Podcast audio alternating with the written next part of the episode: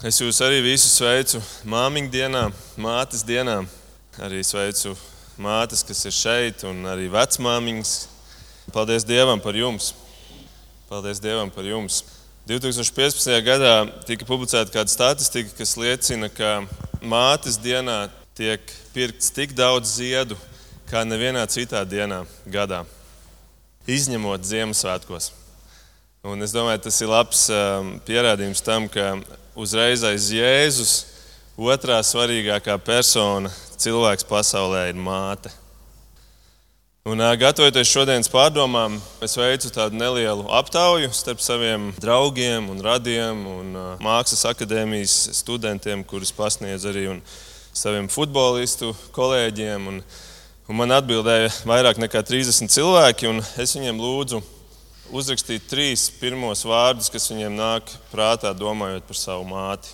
Trīs vārdi, kas viņiem kas vispilgtāk raksturo viņu māti. Un tad es vēlos dažus nolasīt, tos, kuri ir vismaz divas reizes tika minēti.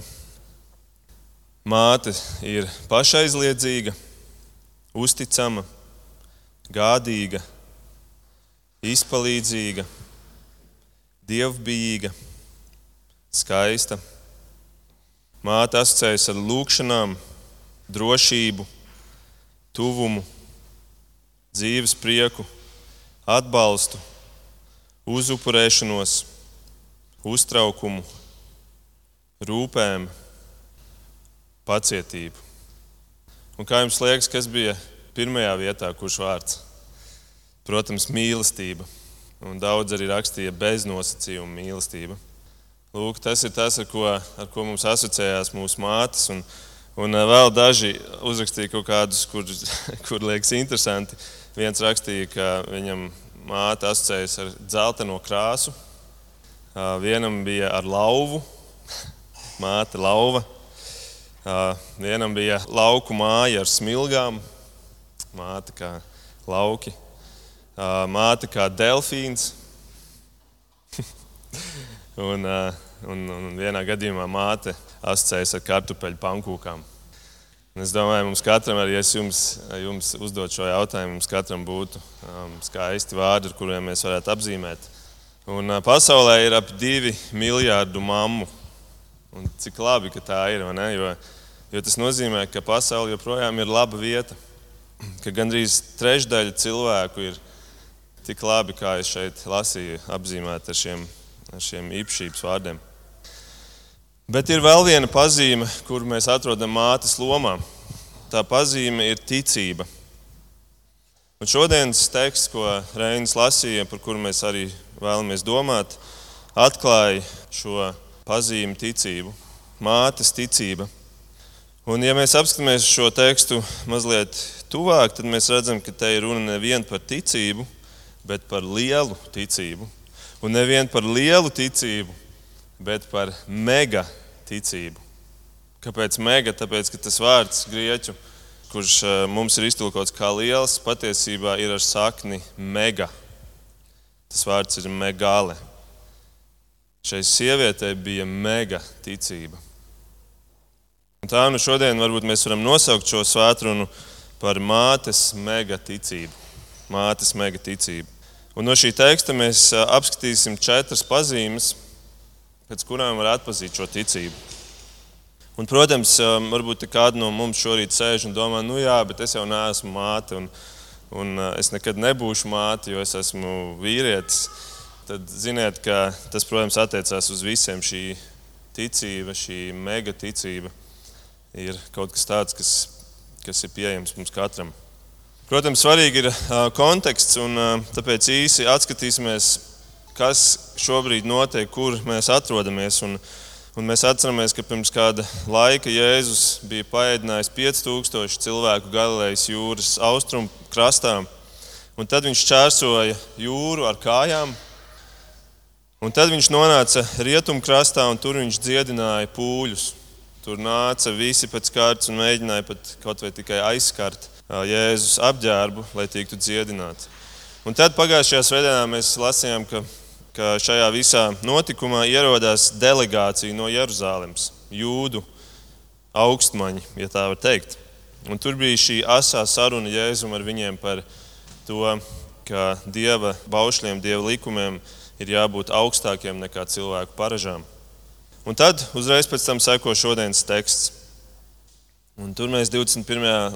pantā redzam, ka Jēzus tos atstāja un devās uz Tīras un Sidonas apvidu. Tātad visā šajā notikumā pēkšņi Jēzus izdomā atstāt viņus un dodas prom uz ziemeļiem, uz teritoriju, kas mūsdienās ir Libāna. Un, lai tiktu uz šo apgabalu, tur ir jāšķērso Libānas kalni. Tā kā šis gājiens ir sarežģīts pāri kalnu masīvam, pie tam tas ir apmēram nedēļas gājiens, lai tiktu līdz turienei no Galilejas. Līdz ar to tas mums liek domāt, ka Jēzus neaizmaldījās vienkārši tā uz to vietu. Jēzus tur devās ar konkrētu mērķi. Un kāds varēja būt tas mērķis? Iespējams, viņš gribēja atpūsties no pūļiem, jo arī viņš bija tikai cilvēks. Varbūt viņš gribēja atpūsties no tā konstantā noraidījuma, kuru viņš saņēma no jūdiem. Un tāpēc viņš devās tālu prom uz citu kultūru. Un tur mēs lasām, Jēzus sastopas kādu cilvēku 22. pantā un redzi, kāda kanāniešu sieviete, kas tur dzīvoja, nāca pie viņa saugdama. Kungs, Dāvida dēls, apžēlojies par mani. Manu meitu dēmons briesmīgi moka. Tātad šeit ir sieviete, un mēs redzam, viņa ir māte. Un tas, kas ir pārsteidzoši tiem, kuri atcerās arī stāstu par samariešu sievieti, tad tas, kas pārsteidz šeit, ir, ka Jēzu uzrunā sieviete, jo šajā kultūrā nebija, nebija pieņemts, ka sieviete ir tā, kura uzņemas iniciatīvu un runā. Pie tam vēl pie tam tik, tik uzstājīgi. Tātad sieviete, bet ne tikai sieviete, viņa ir no pagāniem, pagānu sieviete. Un ne tikai pagānu sieviete, bet kanāniete. Un tie, kuri no jums atcerās veco derību, tad Dievs veda Izraēlu uz šo kanānas zemi, un Dievs pavēlēja visus kanāniešus iznīcināt. Kāpēc? Tāpēc, ka viņi visu laiku stājās pretī Dieva ceļam, un viņi arī nodarbojās ar bērnu upurēšanu. Un tāpēc Dievs bija pavēlējis, visi ir jānogalina. Bet lūk, šī sieviete joprojām šeit ir. Un, un tā nu ir pārsteigums, pārsteidzošs moments, es domāju, arī šiem mācekļiem, ka viņi redz šo notikumu.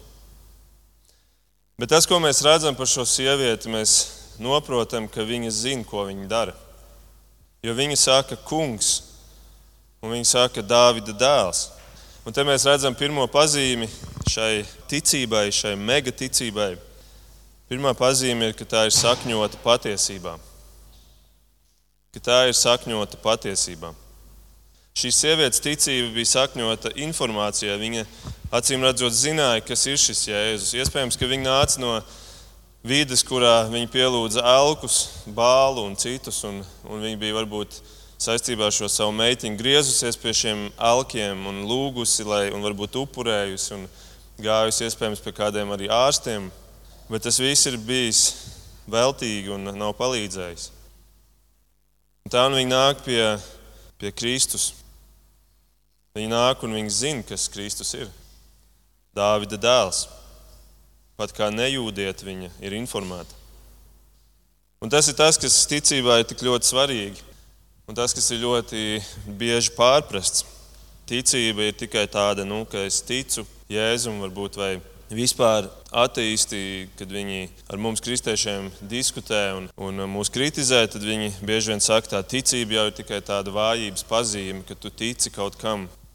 Tev nav pierādījumu, bet tu tici. Bet atbildi ir nē, mums ir jābūt mūsu ticībai sakņotai Dieva vārdā. Šodien populāri ir lietot vārdu ticēt viskaut kam, un kam, kam tik tas netiek lietots. Piemēram, es palasīju kaut kādus dziesmu tekstus, un tāds viens bija viena dziesma, es nolasīšu jums dažas rindiņas no šī teksta. Tur ir tā. Es neticu superzvaigznēm, organiskam ēdienam un ārzemju mašīnām. Es neticu zelta cenai un ka visi reiz novecos.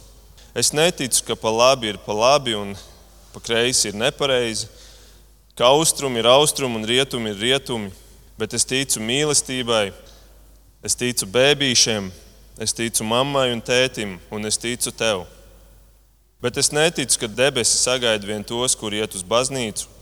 Es gribu domāt par Dievu kā par mīlestību. Viņš ir apakšā, viņš ir augšā, viņš vēro cilvēkus visur.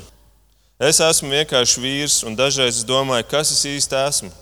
Bet es ticu mīlestībai, es ticu mūzikai, es ticu maģijai. Es ticu, ka melns ir melns un balts ir balts, ka Supermans un Robins Hoods ir joprojām dzīvi Holivudā un tā tālāk. Šis ir varbūt tāds banāls piemērs, un es apzinos, ka daudz kas no šī teksta ir, ir domāts pārnestā nozīmē, filozofiskajā. Taču ar šo es vēlos parādīt, cik ļoti muļķīgi bieži vien tiek lietots šis vārds, es ticu. Cik nodriskāts viņš ir. Cilvēki nereti saka, es ticu augstākam spēkam, es ticu dievam kā enerģijai. Un tad viņam pajautā, ah, kas, kas tā tāda ir? Nu, es, es nezinu, bet nu, es ticu. Katrs var ticēt savai patiesībai, tīpaši šajā postmodernisma ērā, kur cilvēki pat var ticēt, ka viņi ir sieviete vai vīrietis, kāda atšķirība, kā tu jūties labāk, tā tici. Un ne jau tikai tajā mūsu sekulārajā pasaulē tā ir. Tāpat ir arī reliģijā. Tici tādam dievam, kādam vēlies, un pat kristietībā. Tici tādam jēzum, kāds tev ir ērts, kādu tu labāk saproti. Ja kaut kas no tā Jēzus teiktā ir tev nepieņemams, nekas, izdzēs to un, un ņem tikai to Jēzu, kurš, kurš tev patīk, kādam tu piekrīti. Tas nekas, ka tas ir mazliet cits jēzus. Jo galvenais jau ir vienkārši piesaukt viņu vārdu, vai ne? Diemžēl nē, draugs, ar to nepietiks. Dievs meklē tādus, kuri pielūdz viņu patiesībā, Bībelē saka. Un tādēļ ir tik būtiski, ka mūsu ticība ir balstīta patiesībā. Jo citādi tā nekam nelīdzēs. Citādi tā ir tikai mājiņticība. Jo citādi tu vienkārši netici tam Kristum, kurš vienīgais spēja tevi taisnot. Nu, lūk, un šī sieviete, šī māte savu ticību balstīja uz, uz to Kristu, par kuru viņa bija informēta. Viņai bija patiesa atziņa par Kristu. Viņa uzrunāja Jēzu par kungu un par Dāvida dēlu. Un es ticu, ka šai sievietei ir ne tikai ticība, kas ir vērsta uz šo fizisko dziedināšanu, bet viņai ir tā patiesā glābjošā dzīvā ticība.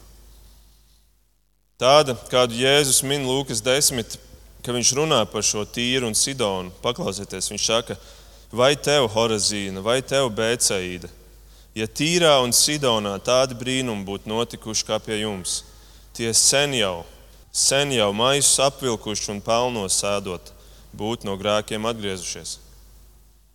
Un es domāju, šī sieviete ir laba ilustrācija šiem Jēzus vārdiem. Bet tāpēc varbūt arī sākumā pārsteidz Jēzus reakcija. 23. pantā mēs lasām, bet Jēzus tai neatbildēja ne vārda. Pārsteidzoši. Varbūt kādam lasot šo, pavērās vispār jauna tāda bilde par Jēzu. Jēzus, kurš taču visus vienmēr pieņem, Jēzus, kurš visus grib dziedināt, Jēzus, kurš visiem ir pieejams. Bet ko viņš šeit dara? Viņš ignorē, viņš klusē, viņš neatbild. Taču patiesībā šis gājiens Jēzum ir ar dziļu nodomu. Jēzus 12 mācekļiem rāda, kāda ir tā patiesā, tā dziļā augsne, kurā tiek sēta Dieva vārda sēkla. Pretstatā tai seklējai augsnē, kuru viņi visu laiku redzēja nepārtraukti Galilejā, kur visi tikai spiežās klāt un meklē to savu labumu, un tad, kad viņi saņem, viņi nozūd uz neatgriešanos. Šeit ir kaut kas cits redzams. Un Jēzus šai sievietei pārbaudīs ticību. Un ne tikai viņas dēļ, bet arī savu mācekļu dēļ, lai viņi redz, ko nozīmē patiesa ticība. Bet vēl šie 12 mācekļi to nenojauš, un vēl viņiem liekas, ka tas ir kārtējais slimnieks, kurš sauc pēc dziedināšanas un skrien jēzum pakaļ. Un tādēļ 23. pantā mēs lasām tālāk. Tad Jēzus mācekļi pienāca un lūdza: Palīdzi tā, jo tā kliedz nākdamais mums. Palīdzi tai, lai viņi beidzot nomierinās, lai viņi beidzot apklust. Iespējams, šajos vārdos var saklausīt tādu Mums jau ir apnicis klausīties. Viņi nevien kliedz, bet viņi visu laiku mums vēl nāk līdzi un seko mums. Tā ir otrā pazīme šai ticībai - neatlaidība. Neatlaidība. Šī māte sauc tik neatlaidīgi, kā tie divi aklē. Atcerieties, kad Jēzus dosies uz Jeruzalemi, tad tur būs šie divi aklē, kuri skries pakaļ un klieks, lūdzu, lūdzu, Jēzu, Dāvida dēls, dziedini mūsu. Vai arī kā tas vīrs, kurš naktas vidū lūdz kaimiņam trīs maizes, jo viņam ir atnācis ciemiņš un viņam nav ko galdā likt. Un Lūkas 11. Jēzus par šo saka, es jums saku, ja arī viņš neceltos un nedod tādēļ, ka tas ir viņa draugs, tad tomēr viņš dos tā uzstājības dēļ. Viņš celsies un dos tam, cik nepieciešams. Un turpinājumā Jēzus paskaidro, ka Dievs Tēvs ir tāds pats pret saviem bērniem, kurš dod ja viņam lūdz.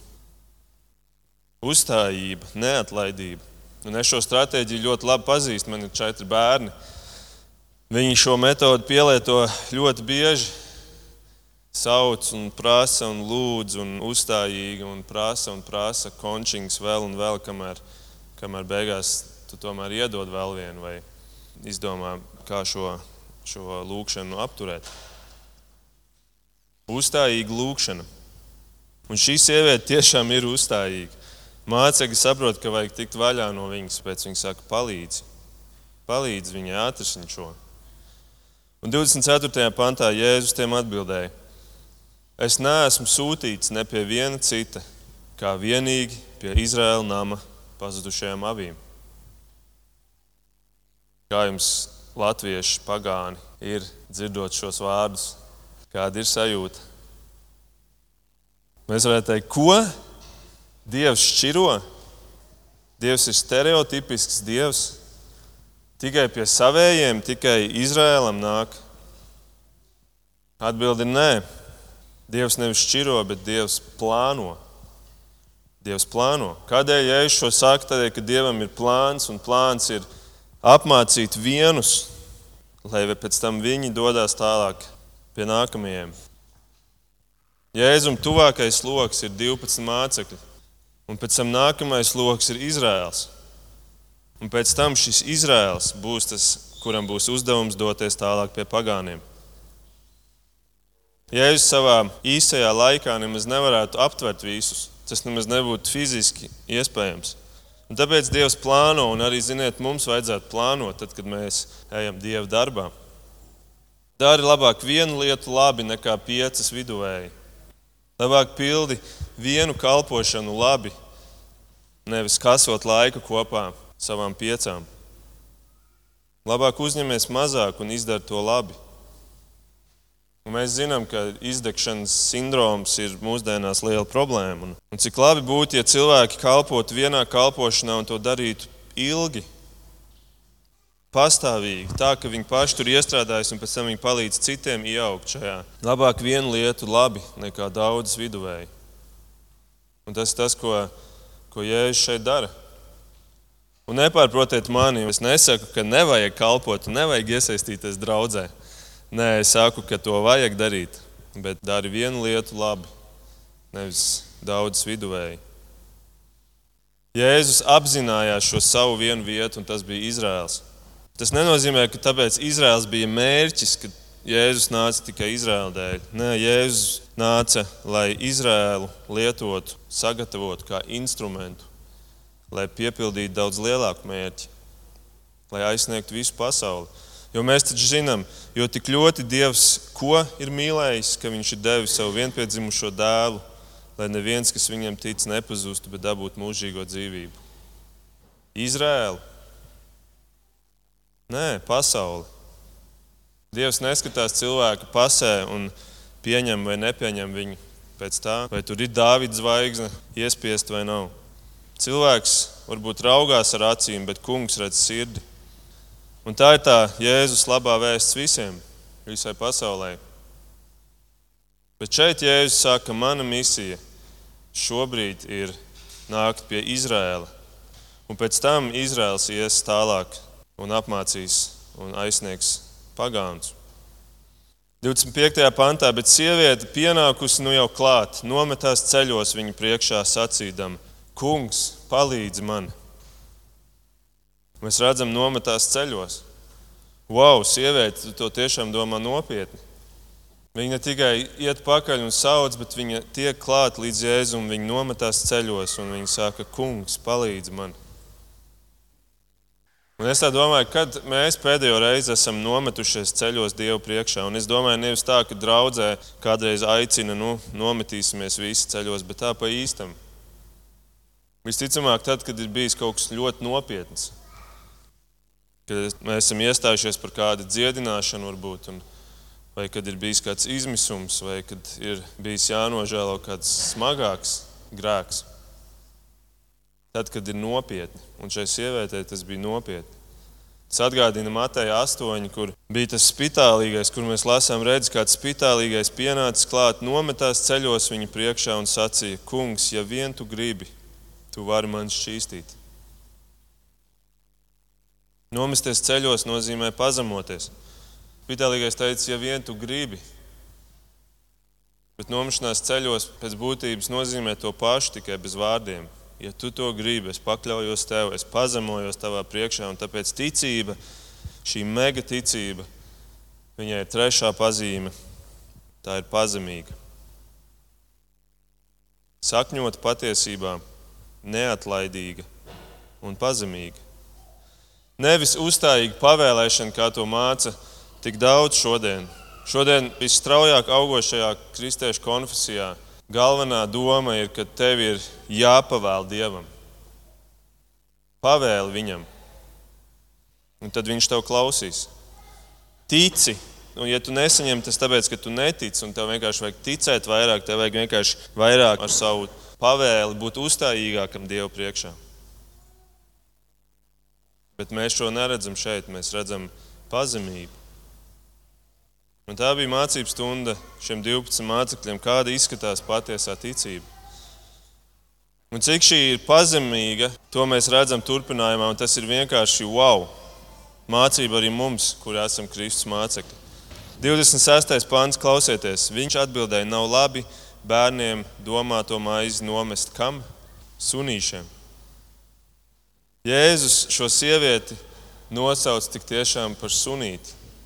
Jēzus šai sievietei liek vienu šķēršļu pēc otra, un viņš to dara, lai pārbaudītu, vai viņas ticība ir īsta. Vispirms Jēzus klusē un ignorē viņu, pēc tam viņš attaisno, ka viņš ir nācis tikai pie Izraēla, un tagad viņš vēl viņu salīdzina ar suni. Un es atkal varu jautāt, vai jūs tādu Jēzu pazīstat? Esat pamanījuši, ka Jēzus nav tikai vienveidīgs, maigi izsakoties. Lūk, tāds ir Bībeles Jēzus, viņš pārbauda ticību. Viņš aiziet kādreiz tik tālu, ka paliek nērti. Un tomēr viņa aizstāvībā es vēlos teikt to, ka pirmkārt, ievērojiet, šeit arī latviešu tulkojumā nav rakstīts suņiem, bet sunīšiem. Izrēlam tajā laikā bija divi veidi suņi. Bija lielie klaidoņi, kuri gāja, staigāja apkārt un ēda visu pēc kārtas, un bija mazie mājas dzīvnieki, kuri tika turēti namā.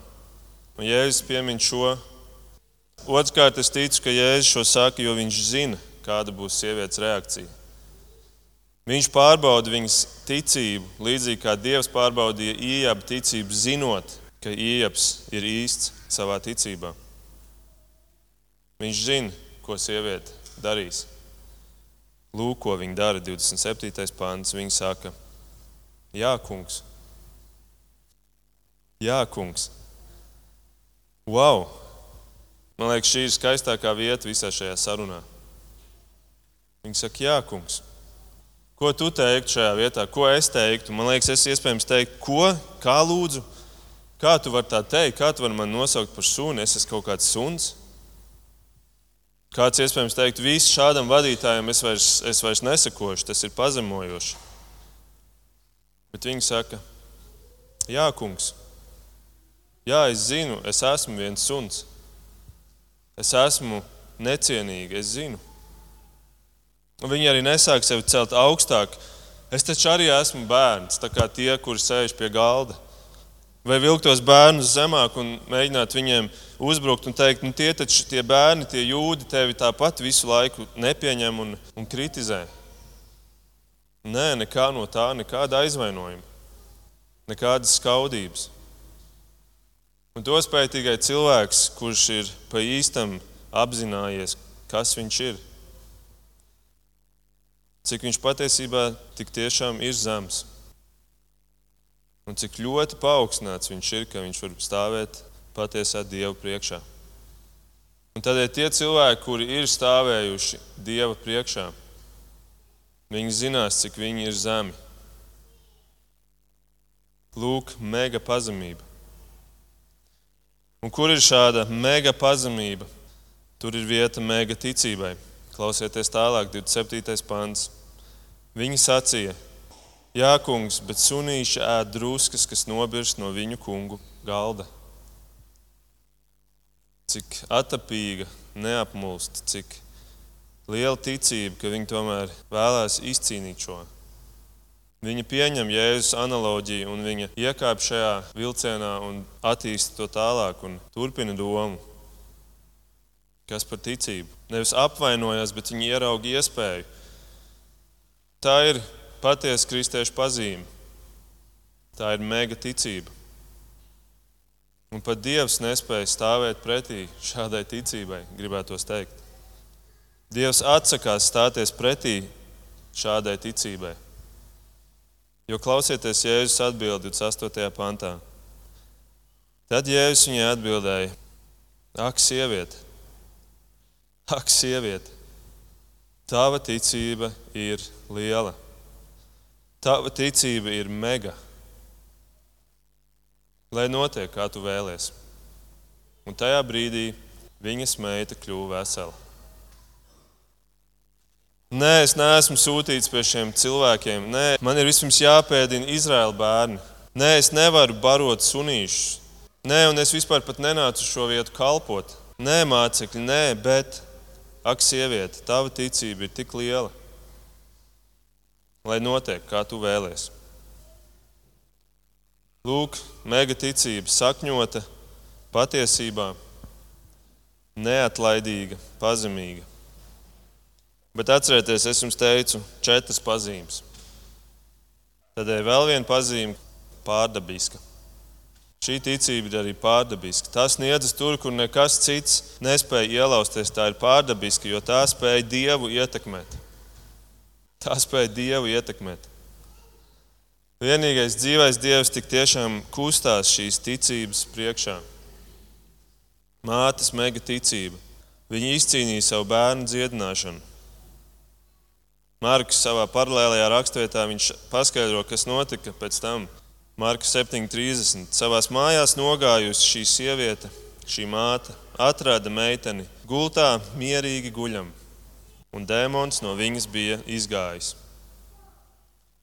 Un es domāju, tas ir labs atgādinājums šodien mātes dienā, ģimenes dienā, mums vecākiem, ka mums ir atbildība lūgt par saviem bērniem.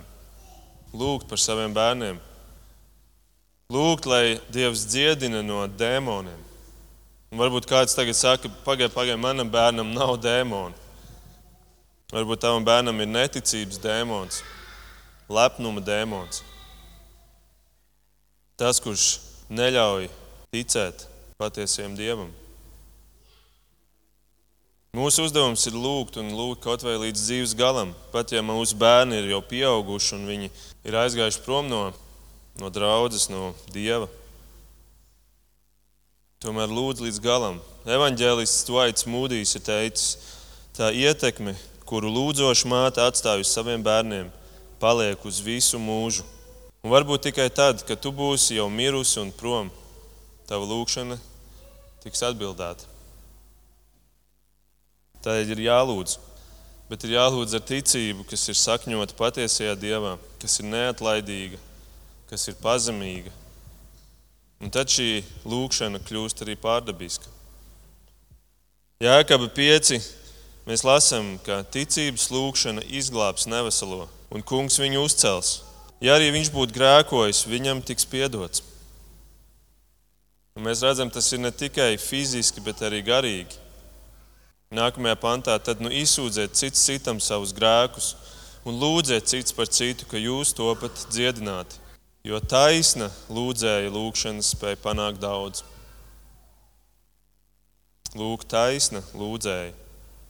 Un ziniet, šī mega ticība vienmēr būs kopā ar vārdu taisns. Šo mega ticību var iegūt tikai cilvēks, kurš ir taisns Dievu priekšā. Mega ticība šķērso dievišķo robežu un tā ielauž dieva sfērā, un tur var ieiet tikai taisnie, tikai svētie. Tikai Kristus taisnotie, tikai Kristus asinī mazgātie, tikai Kristus taisnības apmetnī tērptie.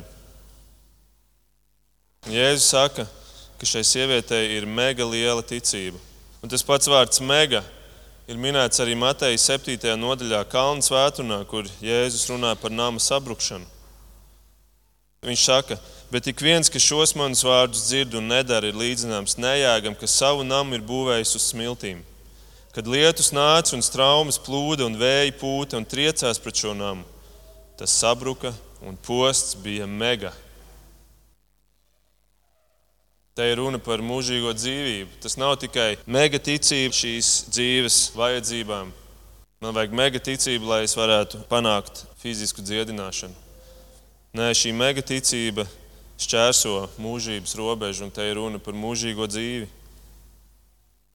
Ja tev nav mega ticības, tev būs mega sabrukums un posts dzīves beigās, mūžīgā pazušana. Šis pats vārds mega ir minēts arī vēl vienā vietā, Mateja 8, kur Jēzus apklusina vētru. Jēzus tiem sacīja, kādēļ jūs esat tik bailīgi, jūs mazticīgie. Tad piecēlies, viņš apsauca vējus un jūru un iestājās mega liels klusums. Mega liels klusums. Redziet, beig beigās sanāk, ka derīga ir tikai viena ticība. Mūžīgai dzīvībai derīga ir tikai viena ticība, un uzminiet, kura tā ir. Tā ir šī mega ticība. Mega ticība nav tikai izvēle, mega ticība ir vajadzība.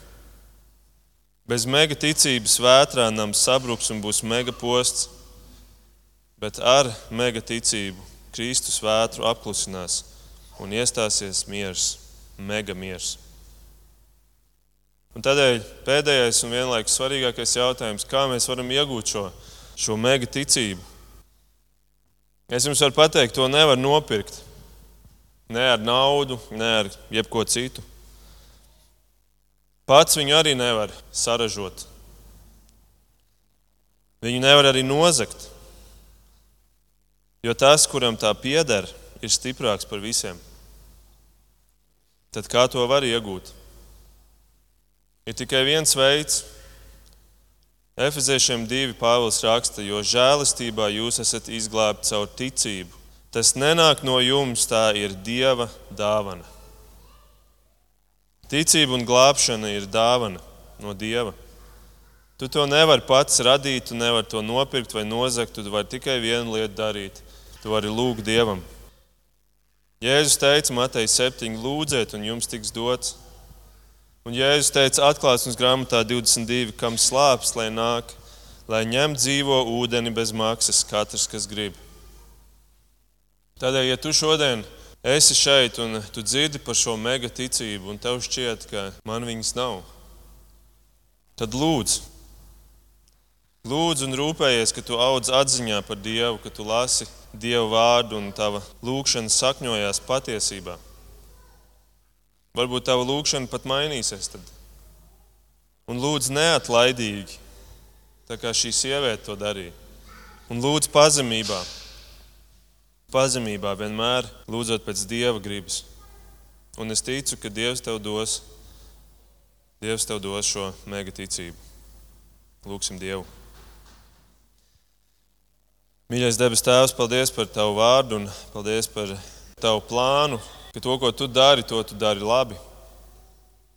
Paldies, Kungs, ka Tu mācīji savus mācekļus un ka Tu joprojām šodien māci mūsu, mūsu mācekļus visā pasaulē. Mēs esam pierādījums tam, ka Tavs plāns ir izdevies, ka Tavs vārds un Tava patiesība ir atnākusi līdz arī mums.